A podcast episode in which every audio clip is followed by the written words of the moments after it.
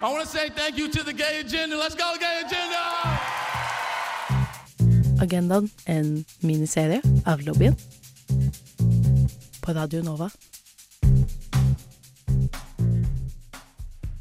Panfil, er ikke det det samme som å være bi? Panfil og bifil er begge legninger hvor man kan være seksuelt tiltrukket eller romantisk tiltrukket til et menneske på tross av kjønn. Jeg heter Ellen, og i dag skal jeg se nærmere på begrepene pan og bi, og se på likheter og forskjeller mellom de. Det å være bifil tilsier at man er tiltrukket til mer enn et kjønn. I 1990 ble det skrevet et såkalt bisexual manifesto som skulle motbevise de daværende fordommene om det å være bifil. I manifestet står det bl.a. at det å være bifil er en flytende identitet.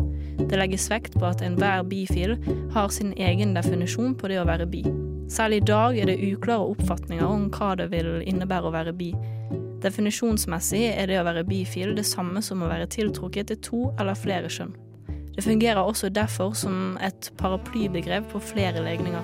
Blant de er panfil. Pan betyr flere, og det er derav i betegnelsen formulert at en panseksuell person blir romantisk eller seksuelt tiltrukket på tross av kjønn. Det panfile flagget er farget i rosa, gul og blå, hvorav det rosa representerer de som identifiserer seg som kvinne. Det gule representerer de som identifiserer seg som ikke-binær, og det blå representerer de som identifiserer seg som mann.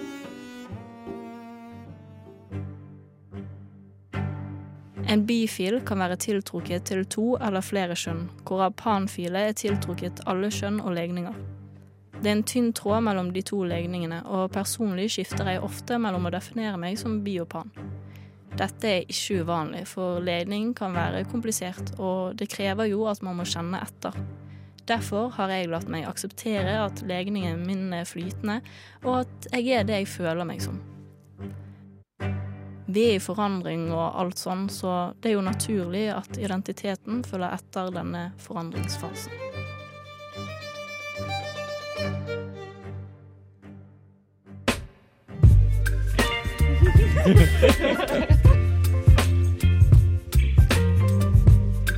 Agendaen. Agendaen. Agendaen. På Radio Nova.